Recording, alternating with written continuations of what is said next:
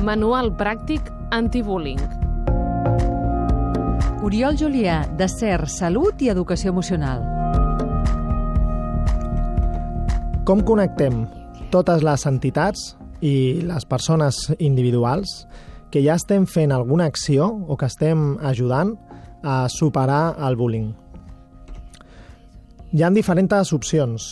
Per exemple, hi ha la pàgina pdabullying.com que vol recollir un mapa d'actius, un mapa d'actius geolocalitzat i amb tots els recursos des de, de prevenció, detecció i actuació que pugui haver en tot el territori.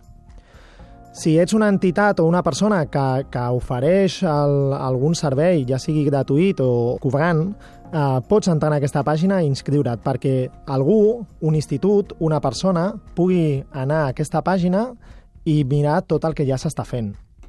Per altra banda, un altre exemple de connexió és el simpòsium contra el bullying que està organitzat pel col·lectiu FUI, la Fundació Futbol Club Barcelona, i que recull un munt d'entitats i de persones que ja estan treballant en el tema.